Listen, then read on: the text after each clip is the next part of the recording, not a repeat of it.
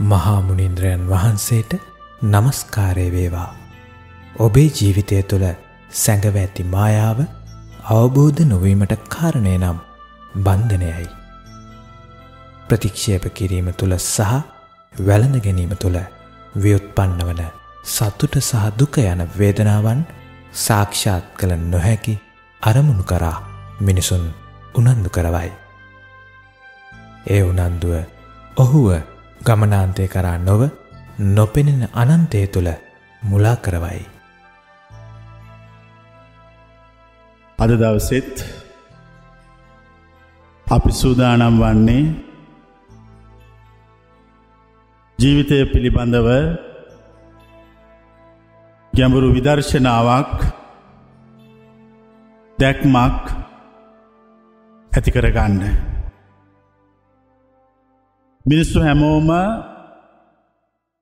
දුකහා සතුට පිරිච්ච ලෝකය තුළ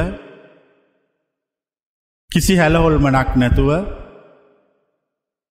විඳිමින් හා විඳවමින් ජීවිතයට මුහුණ දෙමින් ගමන් කරනවා. ඒ ජීවිතයට මූුණ දෙන අතරේ මිනිස්සුන්ට වෙලාවක් ලැබෙන්න හැ කල්පනා කරන්න දුකහා සතුට ගැන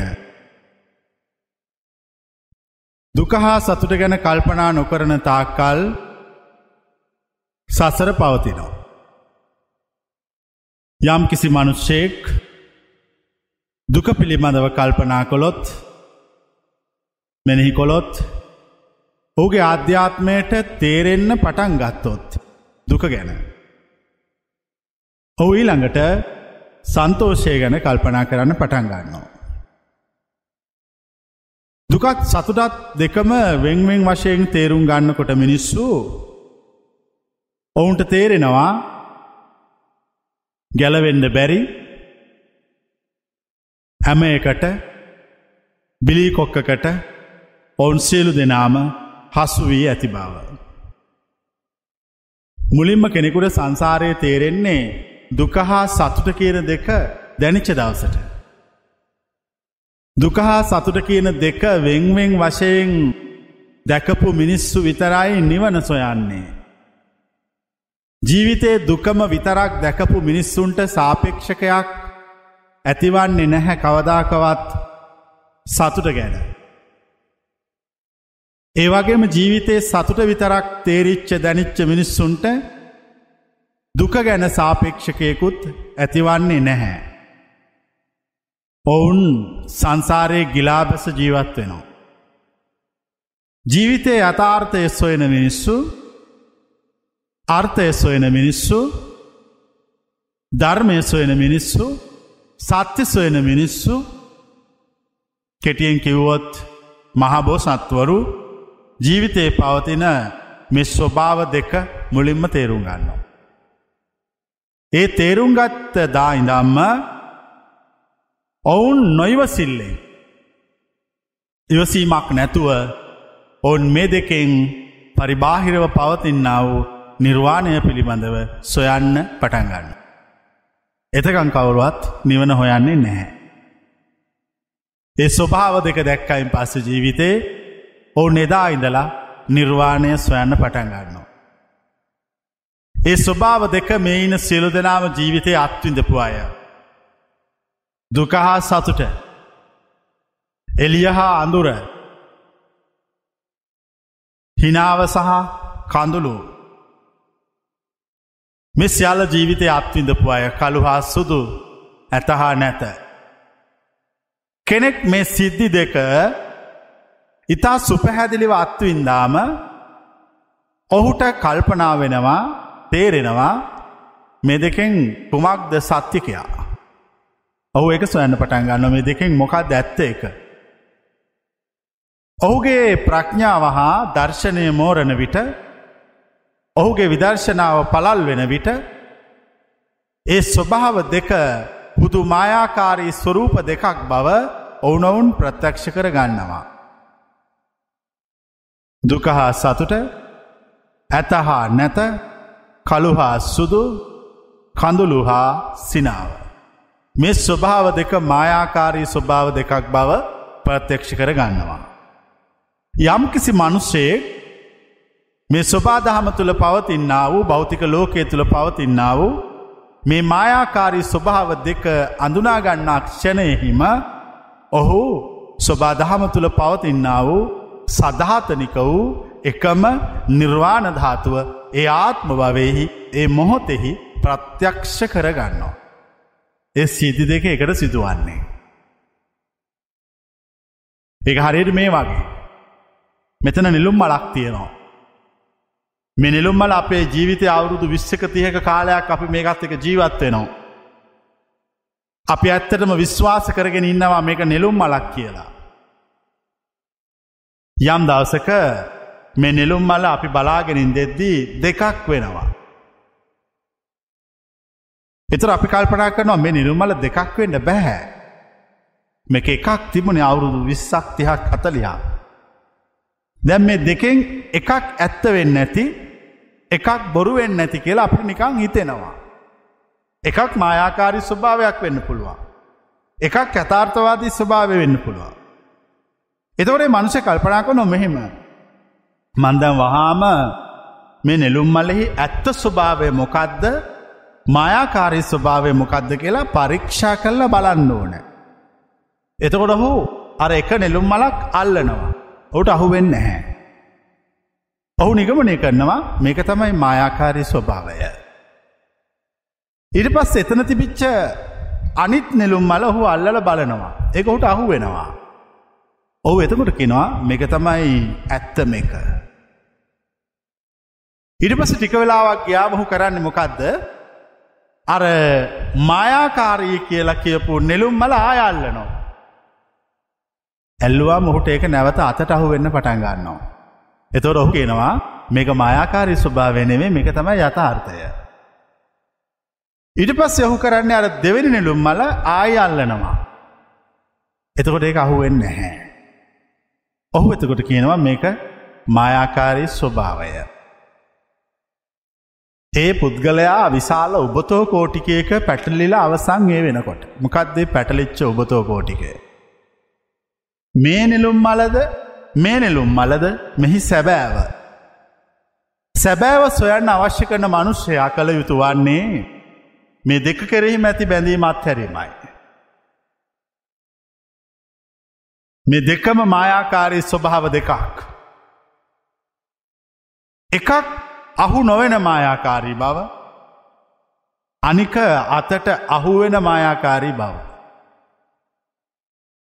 මංකිනව තේරුම් ගන්න බලන්න. අහු නොවෙන මායාකාරී බව අනික අතට අහුවෙන මායාකාරී බව. යමෙක් මෙ ස්වභාව දෙක තේරුම් ගත්තහම මෙ ස්වභාව දෙක ගැන කලකිරෙනවනන් කලකිරෙනවනන් කැන එපා වෙනවනන් කෙනෙක නෙමෙයි එක නැවත නැවත ප්‍රාර්ථනා කරන්න අවශ්‍ය නැහැ. මේක අයින් කරන්න ඕන. ඉවත්වෙන්න ඕන. ගැලවෙන්න ඕන. යථාර්ථය සත්‍යය ධර්මය දකින්න ඕන. මොකක්ද මේ ජීවිතය තුළ සදාකාලිකව පවතින මායාව කියලා හොයාගන්න ඕන. නිළුම්මලට මොනදේවුනත් කමක් නෑ නිළුම්මලට සාපේක්ෂ කොට ඔබේ ජීවිතය තුළ සැඟවී ඇති මායාව ප්‍රත්‍යක්ෂ කොට දකින්න වෑයම් කරන්න ඕන. ඔහු කළ යුතු වන්නේ අර දෙකෙහිම කෙරෙහි ඇති බැඳීම අත්හැරීමයි. ඔහුේ දෙක කෙරෙහි ඇති බැඳීම අත්තරනවත් සමගම ඔහුට විශ්වය තුළ පවතින සධාතනික වූ පාර්ශුද්ධ වූ එකම නිවන ප්‍රත්‍යක්ෂ වෙන්න පටන්ගන්නවා. ඉට පස් එහුට කවදාකත් මේ නිලුම් මල්ල කෙරෙහි ආසාාවක් ඇතිවන්නේ නැහැ. අර මායාකාරී නෙළුම් මල කෙරෙහි වෛරයක් කෝපයක් පහළවන්නෙත් නැහැ. බැඳීමෙහි ආකාර දෙකක් පවතිනෝ. එකක් තමයි අල්ලා ගන්නා ලෙස ඇතිකර ගන්නා වූ බන්ධනය. අනික තමයි ප්‍රතික්ෂේප බන්ධනය. ඔච්චරයි ලෝක පවතින්නේ. මට පේනි ලෝක කියලා ඔය දෙක විතර ඇවෙන මුකුත් මට පේන්න හැ.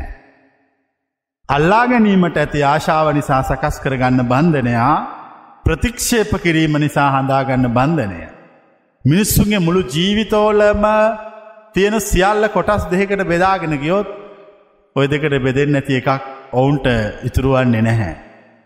ඔය දෙකට ඔක්කොම වැටනක ප්‍රතික්ෂේප කරනෝ කොටසක් කොටසක් අල්ල ගන්න ඔච්චරයි මිනිස්සුන්ගේ ජීවිතය. දැන් අපි මෙම කල්පනා කරනවා. කොටසක් ප්‍රතික්ෂේප කරන්න කොටසක් අල්ල ගන්නවා. මගේ ජීවිතයේ ප්‍රතික්ෂේප නොකරන අල්ලා නොගන්න යමක් ඇද්ද. නැත නැත. ඔබ ජීවිතය කියලා නඩත්තු කොළේ පවත්වගෙන ගියේ ආදරය කළේ වෛර කළේ. සියල්ල කළේ එක්කෝ ප්‍රතික්ෂේප කරන කොටසට එක්කෝ අල්ලගන්න කොටසට. ඒක එයා ජීවත්වච පරිසරයට සාපේක්ෂකයි. දොඩන් ගහක කටු තියෙනවා. මිනිකුගේ අතේ විසප්පුවක් හැදිලා වේදනා දෙනකොට ඔහුට දොඩන් කටුව දිවි අවෂ්දයක් එකින් කට්ටක් කඩල අරක හිල් කල් අර සැරවොක්කො මයින්කල එක සුව පත් කරගන්නවා. නිරෝගි මනුෂ්‍යයකුට දොඩන්කට්ට කරදරයක්. එතර අපි කල්පනා කල බලන්න මොකක්දම ජීවිතය අතාර්ථය මීට මොහොතකට කලින් මං මේ ගහළඟට ඇවිල්ලා මේ කට්ටක් ඉල්ලලා මගේ අත සුවපත් කරගත්තා අයිට පස් සුවපත්තල ඉවරුණහම මං දෙවනුව මේ ගහ ප්‍රතික්ෂේප කරනවා එක්කො මං ගුණමකුයි නැත්තම් මෝඩයි. මං අහන විදිකෙන් මොකක්ද කියලා. ගුණමකුද මෝඩද මට උත්තර දෙන්න. මෝඩයි. ප්‍රඥාවන්ත නැහැ. ජීවිතය යථාර්ථය දකින්න. ඔහු මායාකාරී බව යථාර්ථයක් කියලා කියලා හිතල ඒකට රැවටිලා. මක්නිසා දොහු ඒ වෙනකොට ලෝතුළ පවතින්නා වූ එකම යථාර්ථය පිළිබඳ අදහසක් ඔහුට ඇති වෙලා නැති නිසා. මිනිස්සුන්ට සංසාරය දුක දැනෙන්නේ මේ දෙපැත්ත පේනකොට. මේ දෙපැත්තට හිත වැටෙනව හැම තිස්සෙම. වරක මේ පැත්තට හිත අනි පැත්තට මේ පැත්තට. දැන් ඒම දෙපැත්තට හිත වැටෙනකොට මිනිස්සු කල්පනා කරනවා ජීවිතය ගැන. මොකක්දමික තේරුම මොකක් දවසානය. මොකක් අපි සොයපු නිදහස. මේ දෙපැත්තෙන් එකතුවෙන් නැතුව නැද්ද එකම විදියට ඉන්න විදිිය. එතම නිර්වාණ දහතුව. එතකොට කෙනෙක් එහෙම කල්පනා කරල බලලා ඔහු එක සොයනවා. දැන් මුලි මතුස්සන්න නිවන සොයන් නාපු අය. නිවන සොයන් නාපයතුස්සන්න. අපි ආවේ නිවන සොයාගෙන. අපි ආවේ ගැලවීම සොයාගෙන. අපි ආවේ නිදහස සොයාගෙන. අපි ආවේ සංසාර විමුක්තිය සොයාගෙන අතුස්සන්න. හොඳ රතුස්සන්න. අපි ආවේක සොයාගෙන. ඔක්කොම මෝඩයෝ. සොයනවා. සොයනකොට අර දෙපැත්තෙන් එක පැත්තකට හිත වැටෙනවා. ඉරි පසි දැන් කල්පනා කළා ආ උන්වහන්ස දේශනා කළා ඒ නිර්වාණ ධාතුව සොයන්න ගියොත් දෙපැත්තක් මයාකාරී ස්වරූප දෙකක් ලෝක පවතිනෝ ඒ මායාකාරී ස්වරූප දෙකින් එකක් තමයි සෙවීම එතකොට මගේ සිත ඒ එක මායාකාරී ස්වරූපයකට දැම් බැහැල තියෙන්නේ දැම් මම නිවන සොයනවා. දෙමං අහන්නේ මම දේශනා කරන්නේ සොයන නිවනක්ද නොසොයන නිවනක්ද කියලා. දැන් නොසොයන නිවනක් කියෙන ඇතුස්සන්න. දෙවැනි මටාවටත් මෝඩයෝ. මම නොසොයන නිවනක් නොදෙසමේ. මම අකිරියවාදය නොපනවමි ක්‍රියාවාදය නොපනවමි මධ්‍යම ප්‍රතිපදාවෙන් සසරදුක නිවන මාවතක් වෙන්වා දෙමි. තතාගතයන මජ්්‍යයන දම්මන් දේශේසි. ඒ තතාගතයන් වහන්සේලා මැදිං බණ කියත්. මැදිං බණ කියත්. උන්වහන්සේලා සොයන නිවන ප්‍රතික්ෂේප කොන්නෝ. උන්වහන්සේලා නොසොයන නිවන ප්‍රතික්ෂේප කොන්නෝ. උන්වහන්සේලා මධ්‍යම ප්‍රතිපදාව දේශනා කොන්නෝ. එච්චරයි. අපි නොසොයා සිටියොත් එකත් වැරදි. අපිට නොසොයා සිටියොත් කවදාකත් හම්බ වෙන්නේ නෑ. ඒ වගේම සොයන්න පටන් ගත්තොත් ඒත් හම්බ වෙන්නේ නෑ. දැමං ඔබෙන් ප්‍රශ්නයක් අහනවා. සෙව්වොත් නොලැබෙන්නේ ඇයි කියා.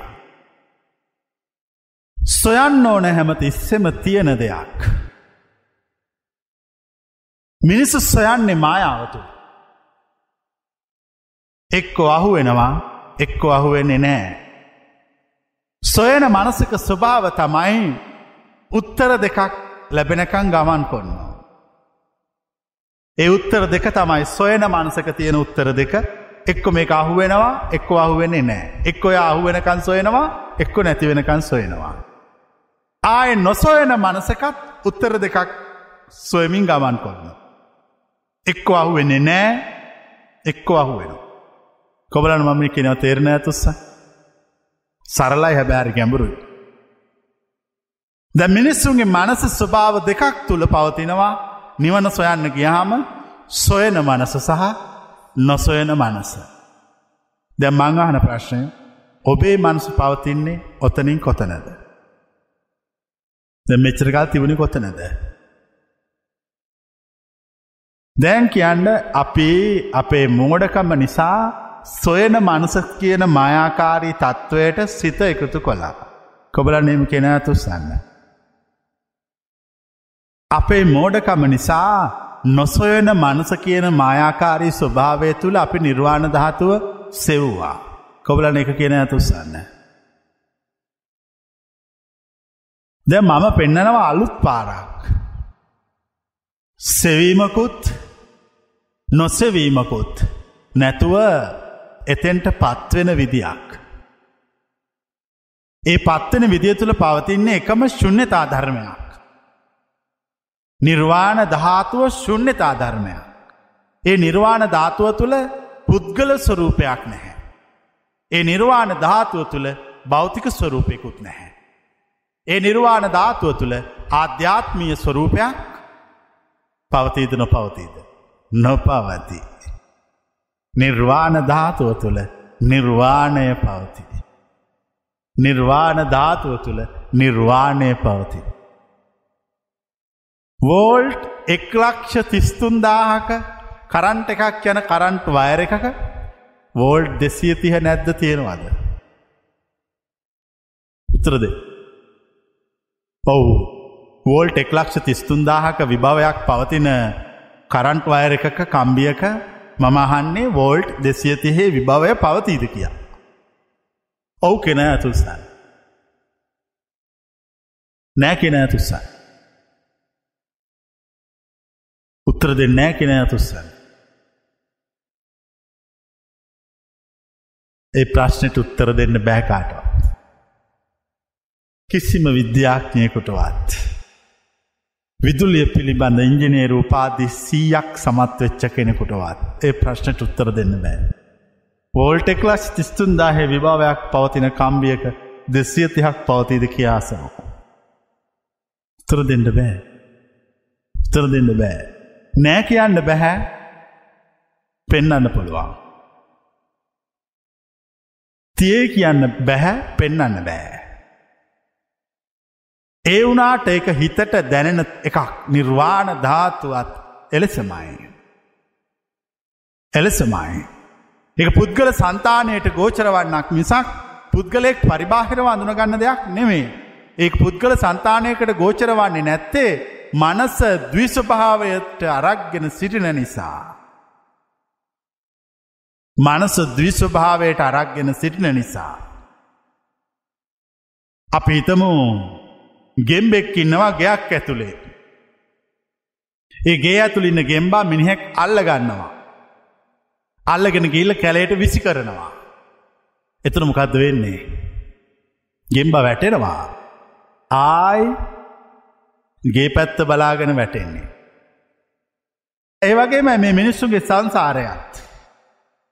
මෙ මිනිසු සංසාරය දුක බව තේරුම් ගන්නවා හැබැයි ඇල්ලීම් බැඳීම් ගැටීම්වලින් නිදහස් වෙන්න හොයන්න දුක බව දැක දැක දුක බව තේරුම් අරගෙන ජාතිය ජරාව ව්‍යාදිය මරණය සියල්ල තියෙන බව දැනගෙන නැවත ගෙම්බා නිවස සොයාගෙන යනෝ වගේ මිනිස්සු යොම සොයාගෙන යනවා. කොබලන මං කෙනෙක තේරණ අතුස්සන්න.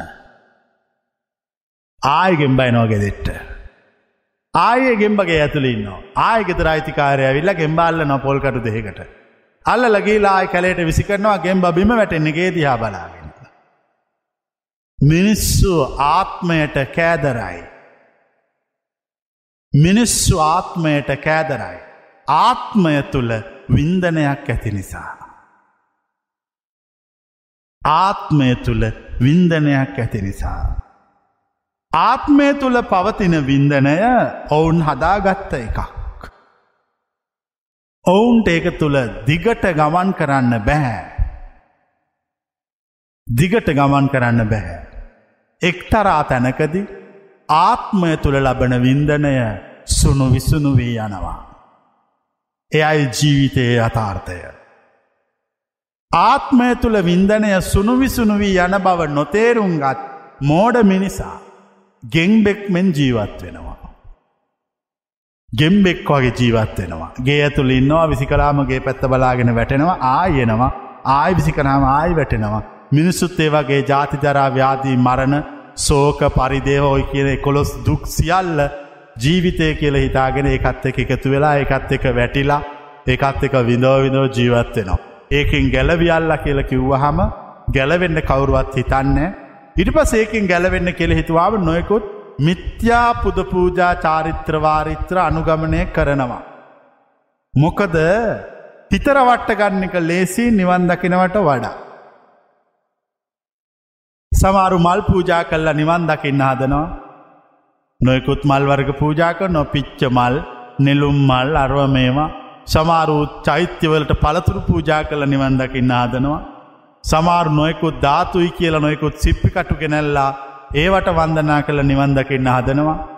තවත් සමාරු නොයකුත් ධර්මස් ධර්මයස්ත්‍රවණය කල්ලා නිවන් දකින්න හදනවා. තවත් සමාරු දානමාන පුද පූජාවන් පවත්වල නිවන් දකින්න හදනවා. හැබැයි කවුරුවත් මජ්‍යම ප්‍රතිපදාවෙන් සසරදුක නිවල අවසන් කරන්න වෑයන් කරන්නේ උත්සාහ කරන්නේ නෑ. ඒ නිසා මිත්‍යා දෘෂ්ටිතුලින් කිසිවකුට නිවන් මගට ළඟාවෙන්න පුළුවන්කමක් ඇත්තේ නැහැ. තම මිත්‍යා පුද පූජා මිත්‍යා විශ්වාස දේව ඇදහිලි සාම්ප්‍රදායික කතන්දර. එ කිසිවක නිර්වාණ ධාතුව නොපවතිී. නිර්වාණ ධාතුව නොපවති. නිර්වාණ ධාතුව කුමක් තුළ පවතීද. නිර්වාණ ධාතුව ඒ තුළ පවති. ඒ තුළ පවති. කුමක් තුළද නිවන තුළ පවති. නිර්වාණ ධාතුව නිවන තුළ පවති. නිවන කුමක් තුළ පවතීද. නිර්වාණ ධාතුව තුළ පවතිී. ඔක්කොම එකයි. කිසි කෙනෙකුට ඒවා එහෙ මෙහි කරන්න බෑ. වෙන් කරන්න බෑ. වෑයන් කළ යුතු එකම එක දෙයක් ඔබේ ජීවිතය පවතිනවා. ඒ තමයි මනස් තුළ පවතින්නා වූ ද්වී ස්වභාවය ගැඹුරින් දැකීම ජීවිතයට සාපේක්ෂකව. එච්චරයි ශ්‍රෝතාපත්තිය. මායාකාරී බව අඳුනා ගැනීම ස්වබාදහම තුළ පවතින. මේ අහුවෙන නෙළුම් මල හා අහු නොවෙන නෙළුම් මල් පිළිබඳව මා කලින් සඳහන් කළ උපමාව. ඒ පුද්ගල ඒක තේරුම් ගත්තයින් පස්සේ ඔහුට ආය කවදක්කත් සසරට බැඳෙන්න්න බැහැ.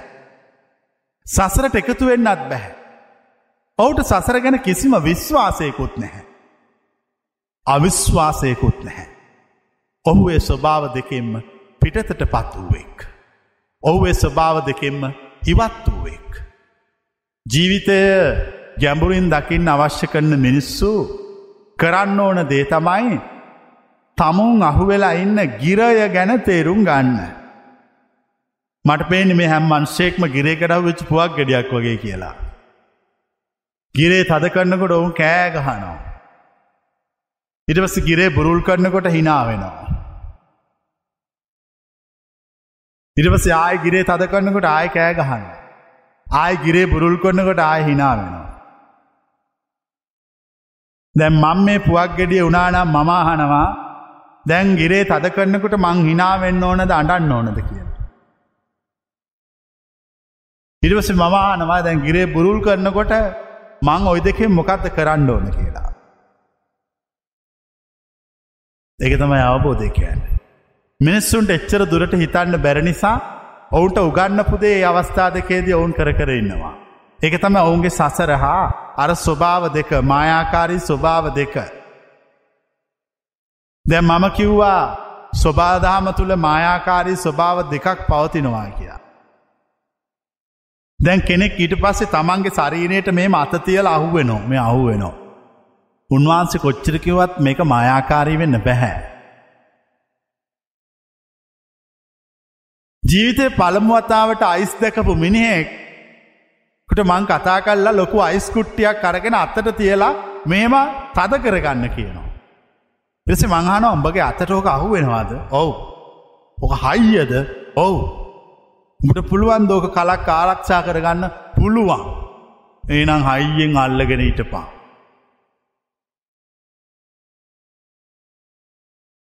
ඔහු යථාර්ථය දන්නේ නැහැ. ඔහු අයිස්වල යථාර්ථය දන්නේ නැහැ. ඔහු අයිස් දැකලා හිතුවා මේක ගොඩක් හයි ඇති. මේක හරි මේකින් ගැහුවොත් මිනිහ ඔලුවත් පැලෙනවා මැරෙනව සමාරලාට ලිස්තල වැටනොත් අයිස්තුඩ. එතොරේ කළු ගලක් වගේ. නමුත් ටික වෙලාවක් ගහාම අර කළු ගලක් වගේ මහ හයියට තිබිච්ච අයිස් ගුලි දියවිලා වැැක්කෙරුණා. දැම්මං ඔබෙන් ප්‍රශ්නයක් අහනවා. සුබාදහම තුළ මායාකාරී බව තේරෙනවාද කිය. අතුස්සන්න. මං මේ සිල්ලු දෙනාම ආක්ටික් ප්‍රදේශයට එක්කා ඥානෝ. හීත ලැඳුම් අන්දලා. මංගෙහින්දිලා අයිස් දෙනවා. කියනවා මෙම තද කරගෙන ඉන්න කියලා. දැන් එයා මෙහෙති දිය වෙලා මට්ටු වෙලා ඉන්නේ. දැම්මකක්ද වෙන්නේ. දියවෙන්නේ. දැන් ආය සුබදහම තුළ මායාකාරී බව වැටහුණාද. කොබල ආය වැට හිච්චාය.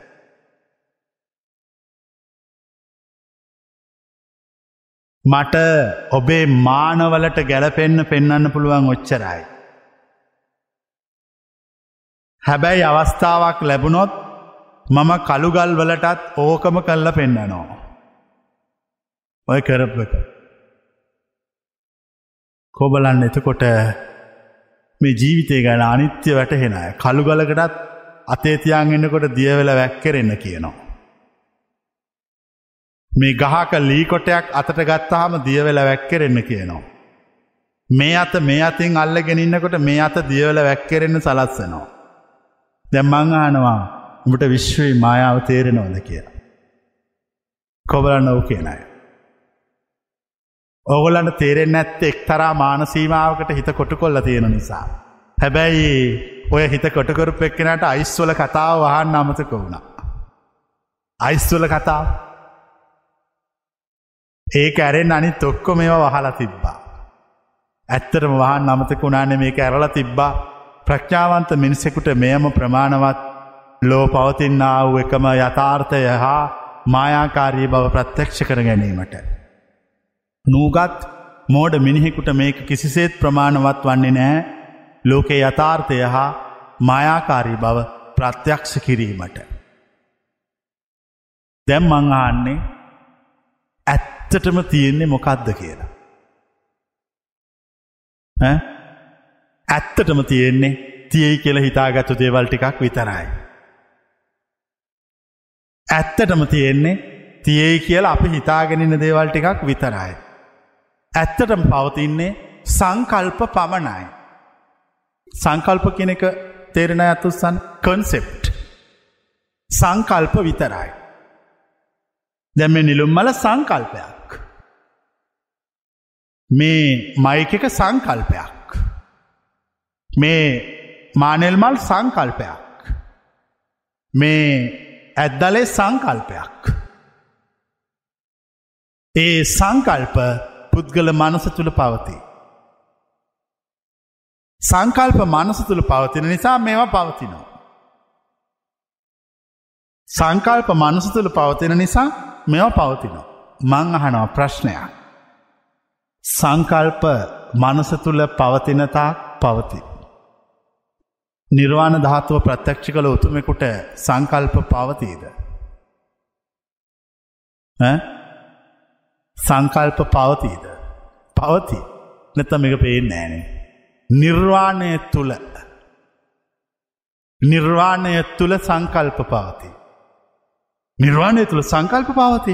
ඔවු එක්ලාස තිස්තුන්දාහේ විභාවය ඇති කම්බය තුළ දෙසිය තිහක් පවති. ඔහුට එ ස්වබාදහම මේ භෞතික වූ සියල්ල ගෝචර වන්නේ ඒ ආකාරයෙන්. මං අහන ප්‍රශ්නීළඟට එසේ නම් ඔහු මේ භෞතික වූ ලෝකයට යළි කිසි දවසක බැඳේද. නැත. ඇලේද නැත. ඔහු කිසිදස්සක මේ භෞතික ලෝකය ප්‍රතික්ෂේප කරයිද. නැත. වැළඳ ගනීද නැත. ඔහු නිදහසේ පවති. සංකල්පවලින් ආතුර නොවී පවති. මිනිස්සුගේ ජීවිත අවුල් වෙලා තියෙන්නේ සංකල්පවලින් අධ්‍යාත්මය ආතුර කරගත්ත නිසා. සංකල්පවලින් ආතුර වෙලා. ස්ත්‍රිය කියන්නේ සංකල්පයා. ඒ සංකල්පයෙන් පුරුෂයා ආතුර වෙන. එතකොට සත්‍යය වෙහිල යනවා. පුරුෂයා කියන්නේ සංකල්පයක්. ඒ පුරුෂයා කියන සංකල්පය නිසා ස්ත්‍රිය ආතුර වෙනවා. එතකොට සත්‍යය වැහෙනවා. ඇත්තටම ස්ත්‍රියෙක් පුරුෂයෙක් කියල කෙනෙක් නැහැ. සංකල්ප ගොඩක් මායාකාරී බවක් පවතිනවා. ලෝකයේ ඉත්තීවා පුරිසෝවා නාම නත්ති ධාතු මත්තකෝ මේවා අත්ති සංඝාටෝ අත්ති කියලා දෙශනාවක්තනක සඳහන්න්න. ඒම දෙකක් නෑ. අපි දෙකක් හදල තියන්නන්නවා. ඒ දෙක දෙකක් වස්සයෙන් බලන නිසා දෙකක්. ලෝකයේ ඉත්තීවා පුරිසෝවා නාම නත්ති. ඒම ස්ත්‍රී පුරුෂ කියලා ස්වභාව දෙකක් ලෝකෙ නෑ එකක් පවතිනවා. අපි බෙදිච්ච නිසා අපිට පේනවා. ඒ බෙදීම් සියල් අවසන් කලාම ඒ මනස සුපරිසුද්ධයි. ඒ මනස තුළ කෙලෙස් නැහැ. ඇත්තටම කෙලෙස් නැහැනෙමේ බෙදීම් නෑ. නිකෙලෙස් උතුමෙකුගේ මානස තියෙන එකමදේ බෙදීමක් නෑ එකයි. ඔහුට අර දෙපැත්තට වැටිච්ච හිතක් නැති නිසා එකක් පවතිනවා. ඒ එකක් පවතින සිත අප කියනවා විරාගී සිත. නිකෙලෙස් සිත පාර්ශුද්ධ සිත. පාර්ශුද්ධ සිතක් ඇති කරගන්න එච්චර අමාරු දෙයක් නෙමේ දෙකට බෙදෙන්න ති තනි හිතත් තිබුණනං ඒක විරාගී. ඉත්තීවා පුරුසෝවා නාමනත්ති ධාතු මත්තකෝ මේවාත්. මේ ස්වභාව දෙකක් නෑ එක ස්වභාවයක් පවතිනො ඒ එක ස්වභාවය වැටහෙන් නැති නිසා දෙකක් තියේ කියල හිතන් එන්න. දෙකක් තිය කියල හිතන් ඉන්න හැම වෙලාකම ජීවිතය පට ලැබෙනවා. බැඳීම් හදාගන්න. ආදරය කොන්නෝ වෛර කොන්නෝ මහා අවුලක් නොවෛර කොන්නෝ මහාවුලක් ඒ අවුල තේරුම් ගත්ත ප්‍රඥාවන්ත මිනිසා ඒ සියල්ල අතහරිනෝ. ඒ ස්වභාව දෙක අතහරිනෝ. විශ්ව තුළ පවතින්නා වූ එකම වූ සදාහතනික වූ නිර්වාණධාතුව ඔහු ප්‍රත්‍යක්ෂ කරගන්නවා. ඒ ප්‍රත්‍යක්ෂ වීමත් මායාකාරය බව ප්‍රත්‍යක්ෂ වීමත් ඔහුට එකවර සිදුවෙනවා. දැම්මම් ප්‍රශ්නයක් කානවා. යම්කිසි මිනිසෙක් විශ්වය තුළ පවතින මායාකාරී බව ප්‍රත්‍යක්ෂ වුණොත් ඇත්තට මොහුට ලෝකය මොනවගේ තේරේවිද. හුට ලෝකෙ කියල එකත් දැනෙන් නැහැ. ඔහරි නිදහස්. ඔහුට ඇත්තටම ආධ්‍යාත්මයක් නැහැ. ඕගේ හිත අපිසිදුවෙන සිතක් නැහැ. ඔහුට චින්තනයක් නැහැ. ඔහුට අතීතයක් අනාගතයක් නැහැ. ඔහුට දැනෙන් එකම වර්තමානයක් තුළ වින්දනීය බවක්. ඒ වින්දනීය බව නිරපේක්ෂකයි. නිරපේක්ෂකයි. ඒ වින්දනීය බව නිරාමිස සුවයයි. ලොවතුරු සුවයයි. සත්‍ය අවබෝධ කරපු පරම සත්‍ය සාක්ෂාත් කරගත්ත මහෝත්තමයන් ඒ වින්දනය තුළ පවතිනෝ. ඒ වින්දනය තුළ පවතිනෝ. ඒ වින්දනය මොහොතින් මොහොත වැඩිවෙන එකක්. ඒ වින්දනයේ උච්චම අවස්ථාවේදී උන්වහන්සේලා මේ ශරීරය අතහැර නිර්වාණ දහත්තුවට ගමන් කොන්නවා. ඒ වින්දනයේ උච්චම අවස්ථාවේදි තමයි නිර්වාණධාතුව සදාකාලික වසයෙන් ස්පර්ශ කරන්න අවසර තියෙන ඒම නැතුව බෑ. එනිසා අපි ජීවිතය මතක තියාගණ්ඩ ඕන මේ ලෝකේ මායාකාරී බව. දැන් කෙනෙකුට මේ දේශනාව ආගෙනහගෙන ගියාම තේරෙනවා දෙම්මම් මොකක්ද පිළිගන්නේ. උන්වහන්ස කිව්වා මායාවක් කියලා. දැම්මන් ගෙදර යනකොට ගෙදරඉන්න අය මාත් එක් කතා කරනවා. එතකොට මට තේරෙන්නේ මායාවරු ටිකක් මායාවරු ටිකක් එක කතා කොන්නවා කියලා. ඉරසේ මට තේරෙන්නේ ඇඳ උඩ නිදාගන්නකොට මායාවක් උඩ තව මායාවක්. මට වතුර බොනකොට තේරෙන්නේ මායාවක් ඇතුළට තව මායාවක් යනවා කියලා. කොවලන එහෙම තේරේවි කියල හිතන අය. යම් කිසි කෙනෙකුට මේ දේශනාව ඇහුවයන් පස්සේ එහෙම තේරුණොත් ඇත්තට මොහු මායාව තේරුම් ගත්ත කෙනෙක් නෙමේ මායාව වැළඳ ගත්තෙක්. මායාව තේරුම් ගැනීම වැළඳ ගැනීම කියන්නේ දෙකක්. මම මහසෝන ගැන උගන්වනෝ. උගන්නල මහසෝන ඉන්න තැනුත් පෙන්නනවා. මාසෝන් දිිෂ්ටිය ගැනත් කියනවා. ගහන විදිත් කියනවා. ගැව්වාම රෝගලක්ෂණත් කියනවා. ඔයිටි කාලිවරුණාම් මොකක්ද වෙන්නේ ඔබට. මහසෝන ගහනවා. අනිවාරෙන් ගහනවා. ගහන්න අවශ්‍ය කන සියල්ල මං කිව්වා. මහසෝන ගැන කිව්ව මේමයි මේමයි එන්න මේමයි මෙම බලන්න මෙහම උඩ බලන්න මෙහම ඇස් කරකවනවා මේ පැත්තට ඉන්නවා මේ මෙනවා මෙහෙම ඉන්නවා මේ වගේ තැන්න ඔන්න ඔත්තන ඉන්නවා අතන ඉන්නවා මෙතන ඉන්නවා පරිස්සමින් පලයන් තුම්මං හන්දිය ඉන්නවා මේම ඉන්නවා හැංගිල ඉන්න එලියට පනිනවා අන්දකාරයට පනිනවා ජාමට සමයමට පනිනවා එලියට පැනල බය කරන්නවා බය කරල ගානවා පිටට ආයිවරයි. ඔය කතාවවාම් බය වෙනවා. එතකොට නියන් ගෙදර ඇඳය හා පැත්තෙත් කවුරු ඉන්නවාගේ දැනෙනවාද. මහස්සෝ යක්ෂය ඉන්නවා. ඇඳේ මිට්ට මල්ලගෙන නින්ද යනකං ඉන්නේ මුණ දාන්න.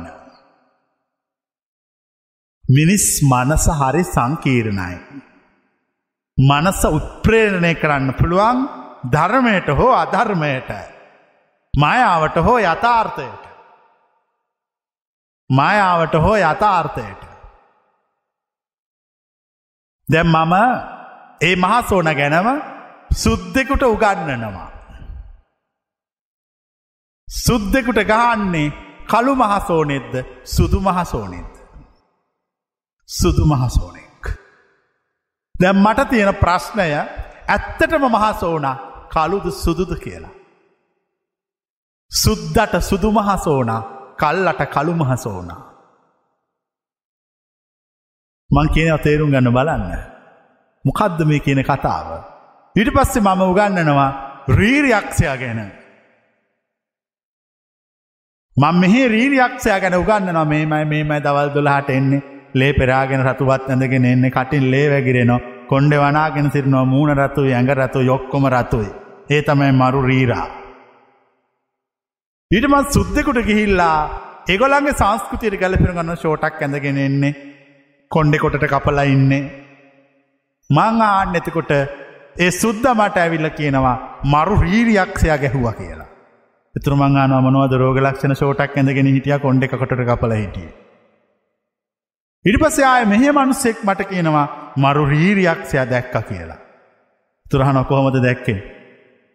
කොන්්ඩ වනාගෙන රතු රතුරෙදි ඇඳගෙන රතුපාටි හිටිය කියනවා. දැ මට්ට ප්‍රශ්නයක්. මරු වී රමණවාගේද කියලා. මං එතකොට තේරුම් ගන්නවා මේ සියල්ල මායාවක් බව. ඒ සියල්ල මායාවක් බව. ඒ සියල්ල මායාවක් බව නිසාම ඒ මායාවට මා බිය නොවිය යුතු බව. මායාවට මා බිය නොවිය යුතු බව. දැන් අතුස්සල මට කියන්න දැන්නම් මහසෝන් දේවතාව උන්නාන්සේ ආවත් මරුරීරයක් සයාවත් දැම් බයවෙන්න කාරණයක් නැහැ අපි අතාර්ථය දන්නවා. යථාර්ථය දන්න කිසිවක් කිසිවකු ඉදිරියේ යකුම් නොපෙනී සිටි. මක්නිසාද යථාර්ථය ප්‍රත්‍යක්ෂ කළ උතුමා යකාමායාවක් බව ප්‍රත්‍යක්ෂ කොට ඇත. ඒ යථාර්ථය ප්‍රත්‍යක්ෂ කළ උතුමාට යකුගේ මායාකාරී බව දන්නා නිසා උගේ ඔළුවෙන් අල්ලලා හොල්ලන්නත් උගේ දත් කඩන්නත් උගේ දිව එලියට ඇදල කපන්නත් උගේ පපුුව පලන්නත් අවසර ඇත. කොබලන්න මේ කියනව තේරණ තුසන්න. සියලු යක්ෂ දෝස භංගයි. යමෙක් මේ පරම සත්‍ය අහ ගෙනහ ගෙනහගෙන හිටියොත් ඕගේ සියලු යක්ෂ දෝස භංග වෙනවා. ප්‍රේත දෝස භංග වෙනෝ. බහිරව දෝස භංග වෙනෝ. සියලු අසූ මහාදෝසය කෝටියත් දෝසය නිවාරණයි තීන්දුයි කැපයි. ඉවරයි. එතකම් ඔහුට අසූ මහාදෝසය පවතිනවා. කෝටියක් දෝසය පවතින. එතකම් ඔහු මේ සසරට වැටිලා විඳෝමින් යකුන්ට ප්‍රේතයන්ට බයවමින් ජීවත් වෙනවා. මම කියන්නේ යකුන්ට බයවෙන්න නෙමෙයි යකුන් පිළිබඳව යථාර්ථය ප්‍රත්‍යක්ෂ කරන්න කියලා. යකුන් පිළිබඳ යථාර්ථය පවතින්නේ මායාව තුළ. දෙවියන් පිළිබඳ යථාර්ථය පවතින්නේ මායාව තුළ. ඉස්සියල්ලෝම මායාව තුළ වැඩ සිටින්නේ. යථාර්ථය නිර්වාණ දහතුව තුළ දෙවියෝවත් යකුන්වත් කිසිවෙක් නැහැ. ඒ යම් යම් කෙනෙක් ඒ නිර්වාණ ධාතුව මේ ආත්ම වසයෙන් ප්‍රත්‍යක්ෂ කොළොත් ඒ ප්‍රත්‍යක්ෂ කළ කිසිම උතුමෙක් කිසිම මිත්‍යා විශ්වාසයක් පිළිගන්නේ නැහැ. ජෝති ශාස්ත්‍රය පිළිගන්නේ නැහැ. නිමිති බැලීම පිළිගන්නේ නැහැ. රාහුකාල පිළිගන්නේ නැහැ. නැකත් බැලීම් පිළිගන්නේ නැහැ. යන්ත්‍රමන්ත්‍ර ගුරුකම් බලිබිලිතොවිල් හූනියන් පිළිගන්නේ නැහැ. උන්වහන්සේලා පිළිගන්නේ උන්වහන්සේලගේ යථාර්ථවාදී වූ අවබෝධය පමණයි. යථාර්ථවාදී වූ අවබෝධය පමණයි. කෙනෙකුට යථාර්ථවාදී අවබෝධය පිළිගන්න තරං ආධ්‍යාත්මීය ශක්තියක් නැත්තං. එච්චර ප්‍රඥාවක් නැත්තං. උන්වහන්සේලායේ මෝඩයන්ට මුලාව පෙන්වයි. මුලාවේ තුළ පෙන්වනවා. සෝතා පත්තියට පත්වෙ චාර්ය ශ්‍රාවකයා කිසිම මිත්‍යා විශ්වාසයක් පස්පස හඹා නොයයි. ඔහු එකම නිර්වාණ ධාතුව පමණක් පිළිගන්නේ. නිර්වාණ ධාතුව පිළිගන්නේ. ඔහු ස්වබා දහම තුළ පවතින්නා වූ රූපයකට නැගිය නොහැක්කා වූ ප්‍රතිමාවකින් පෙන්වේ නොහැක්කා වූ පාරසුද්ධ වූ නිර්වාණය එකම සත්‍ය වසයෙන් ඔහු සාක්ෂාත් කොට පවතේ. ඔහුට එතනින් යා සත්‍යයක් නැහැ. ඔහුට එතනින් එහා අවබෝධයක් නැහැ. ඔහුට එතනින් එහා ගුරුවරයෙක් නැහැ. ඔහුට එතනින් එහා ගැලවුම්කාරයෙක් නැහැ. ඒ පරමසත්‍ය සාක්ෂාත් කළ කෙනෙකුට මේ භෞතික ලෝකය තුළ ඒ සත්‍යයට ආසන්න හැඩයක් සොයාගෙන ගමන් කොළොත් ඔහුට පුටුවක් උඩ සිටින කසාවතක් පුරවාගත් මිනිසෙකු සමුවයි. කවදෝටම් පුටුවක් උඩ සිටින කසාවතක් පුරවාගත් මිනිසෙකු සමුවයි. එතකොට ඔහු ඔහු හමුවී නුඹ කෞදයයි අසයි. එවිට කියයි නුඹ සත්තියේ ප්‍රතිමූර්තිය සෙව්වා. නුඹ එකම නිර්වාණ ධාතුවට පෙන්වන්න ස්වභාවයක් විශ්වය තුළ සොයාගෙන ගියා. නුඹ ඉදිරියෙහි ජියෝමාන වූවේ යයි. එච්චරයි. එච්චරයි.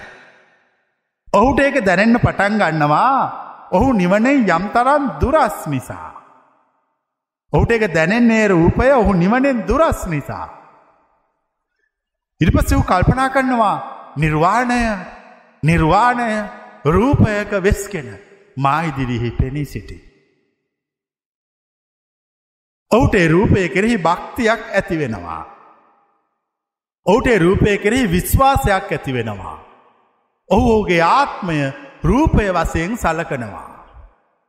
යමෙක් ඔහුගේ ආත්මය මායිදිරියෙහි පූජා කරන්නේද මවුන්ගේ ආත්මය ගිල දමමී. යමෙක් යමිකුගේ ආත්මය මායිදිරියෙහි පුද දෙන්නේද උන්ගේ ආත්ම මම ගිල දමමි. ගිල දැම්ම ගැනමගත්ද ආයම්බවෙන්නේ. මිනිසුන්ගේ ආත්ම පිපාසාව නිසා මම මනුලොව පැමිණීමේ.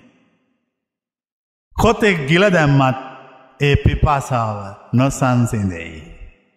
නැවත නැවත ජියවමාන වෙමි. නැවත නැවත ගිල දමමේ. ප්‍රඥාවෙන් මුහුකුරවාගිය. ආධ්‍යාත්මීය සුපරසිද්ධ භවෙන් ඉහලට ගිය. සත්‍යවාදී බව හා අවංක බව ජීවිතය පුරාම පාරමිතාවක් මෙන් සපුරපු. අව්‍යාජවෙච්ච යහපත් උතුම් මිනිසුන්ගේ ආත්ම සදාකාලයටම මම ගිල දමමේ. උන්ට අය කිසි දවසක උන්ගේ ආත්මෝල අයිතිය මම දෙන්නේ නැහැ. ගිල දමා නැවත නූපදනා ලෙසට නිර්වාණ ධාතුව සමඟ මම එකතුවෙමි. බිත්තර පිටින් කුරුල්ලෙක් මහා හුළඟකට අසූනොත් ඒ කුරුල්ලාට කුමක් සිදුවේද. වේරම්භ වාතයට බිත්තරත්ෙක් ගොඩත් තියෙන කුරුල්ලෙක් අහුන තුට මොකක්ද වෙන්නේ. එක්කුරුල්ලාගේ පිහාටු ගැලවෙලා හොටේ කැඩිලා ඒ වගේම බඩේ තියෙන බිත්තරත් බිඳීලා ඒ වේරම්භ වාතයට ඒ බිත්තරයි කුරුල්ලයි දෙක මහුවෙලා ඒ වේරම්භ වාතය තුළ කුරුල්ලාත් බිත්තරත් සදාකාලික වෙනවා. ඒ කුරුල්ලා නම් මමයි බිත්තර නං නුබයි. සියල්ලො සමග සදාකාලික කරමි. ඒ නිර්වාණ දහත්තු සමඟ එකතු කරනවා. එකරි අමුතු කතාව. අමුතු කතාව. ඒක හරියට අර ගමරාල්ලගේ තෝවිලෙවාගේ. ගමරාලලගේ ගෙතර මකුල් ගෙදරත් තිබුණා. ගමරාලෙක් ගෙතර මකුලට කැලේගයා මස්ගේන්ඩ විශාල කුරුල්ලෙක් ගමරාලට හම්බුවන. ගම්රාල මේ කුරුල්ල මරාගෙන ඇවිල්ල කුරුල්ලගේ බඩ පැල්ලුවම ඒ පඩ ඇතුළි හිටිය විශාල මාළුව. ඉට පස්සෙ ගමරාල කළේ මොකක්ද මාළුවගේ බඩ පැල්ලුවම ඒ ඇතුළි හිතේ වුණා විශාල පුහුල් ගෙඩියක්. දැන් ගමරාල මස්සිව්වා මාළුවිවා. පුහුල උයන්න කියලා පුහුල කැපුව ගමන් බෙරකාරයෝක් බෙරගාගෙන කවිකාරයෝ ඔක්කොමත් එක්ක ඒගේ ඇතුළෙතුනත් තොවිලයක්. පුහුලුත් තිබවා. දැම් මේ මගුල්ග දෙට්ට ආපු අය මගුලුත් කාලත් තොවිලු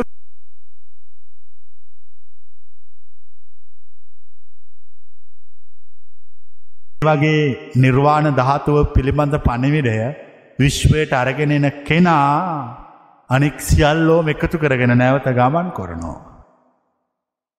හැබැයි ගන්න හොඳට කල්පනා කල්ලා පරීක්ෂා කල්ල බලලා ඒම අවජාතකයෝ ගන්නේ නෑ. ඒ අවජාතකව ගත්තොත් මගදි තල්ලු කරන්න වෙනවා. එනිසා ඔබ ඊට සුදුසු විය යුතුයි ආධ්‍යාත්මය පාරිශුද්ධ කරගත යුතුයි. සත්‍යය නිර්වාණය ඔපිදිරිය පෙනී සිටිනවා. කාලෙකට රූපයක් මවාගෙන. ඒ රූපයක් මවාගෙන සත්‍ය පෙනී සිටින්නේ මිනිස්සුගේ ප්‍රඥාවේ මධිකම නිසා. ප්‍රඥාව මුහුකුරවාගයයින් පස්සේ ඒ මිනිස්සු සත්‍යය රූපයකින් නෙමෙයි සත්‍යය සත්‍ය ලෙස දකිනවා.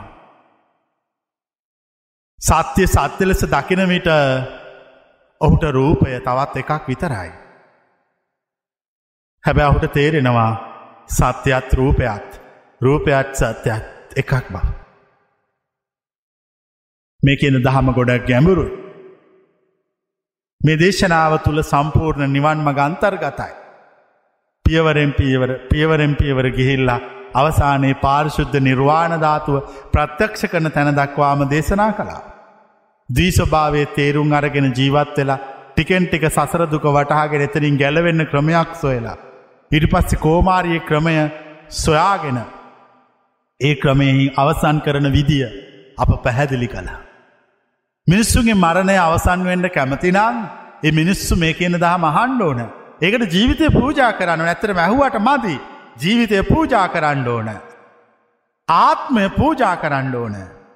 ආත්මය පූජා කරන්න ඕන. ආත්මය පූජා කළහම ඒ ආත්මය මට ඕන විදියට මම කඩලා පාගලා පෙරලලා මම සකස් කරනවා.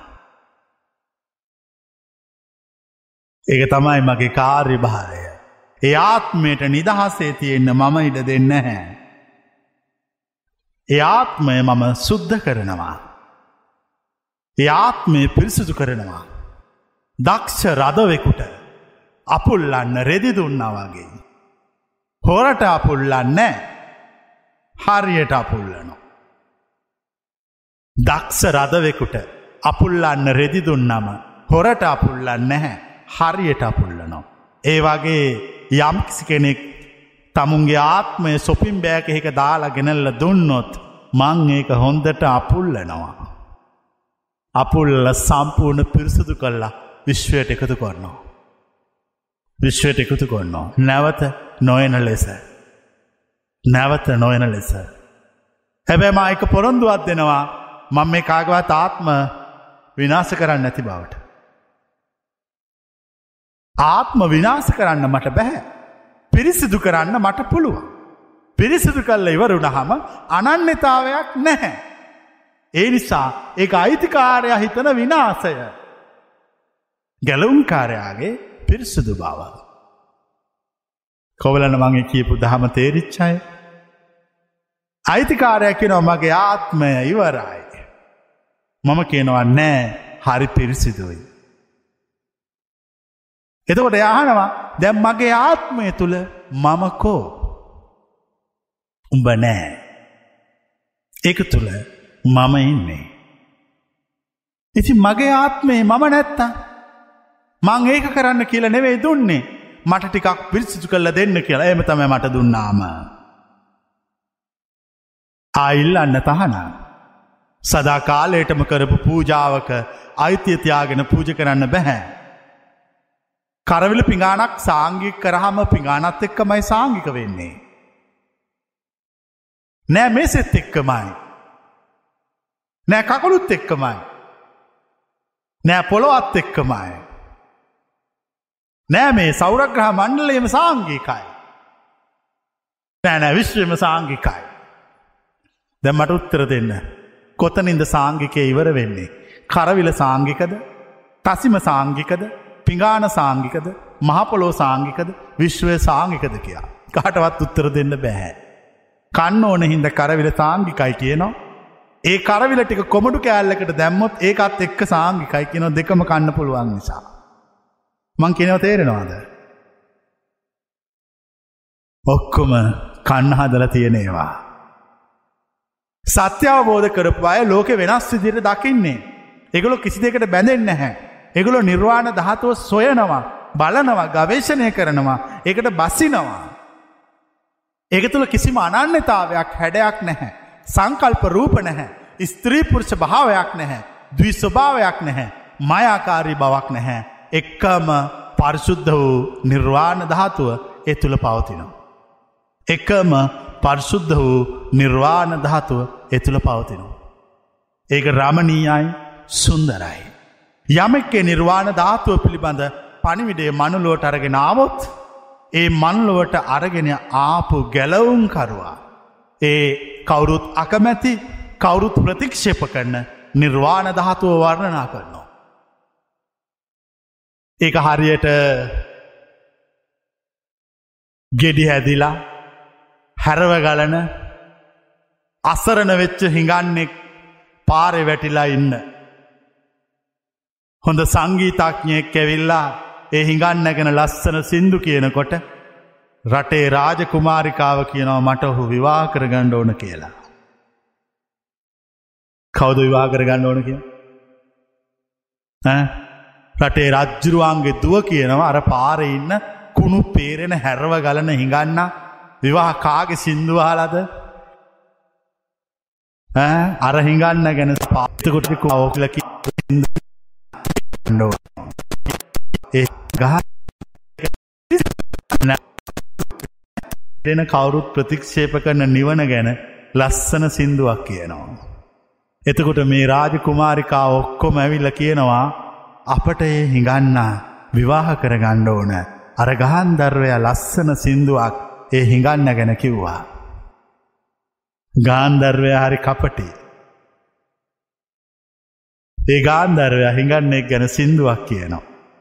එක් සිින්දුව කොච්චර ලස්සනද කියනව නඟහනාන ඔක්කොම ඔහුට විවාහ යෝජනාගේනවා.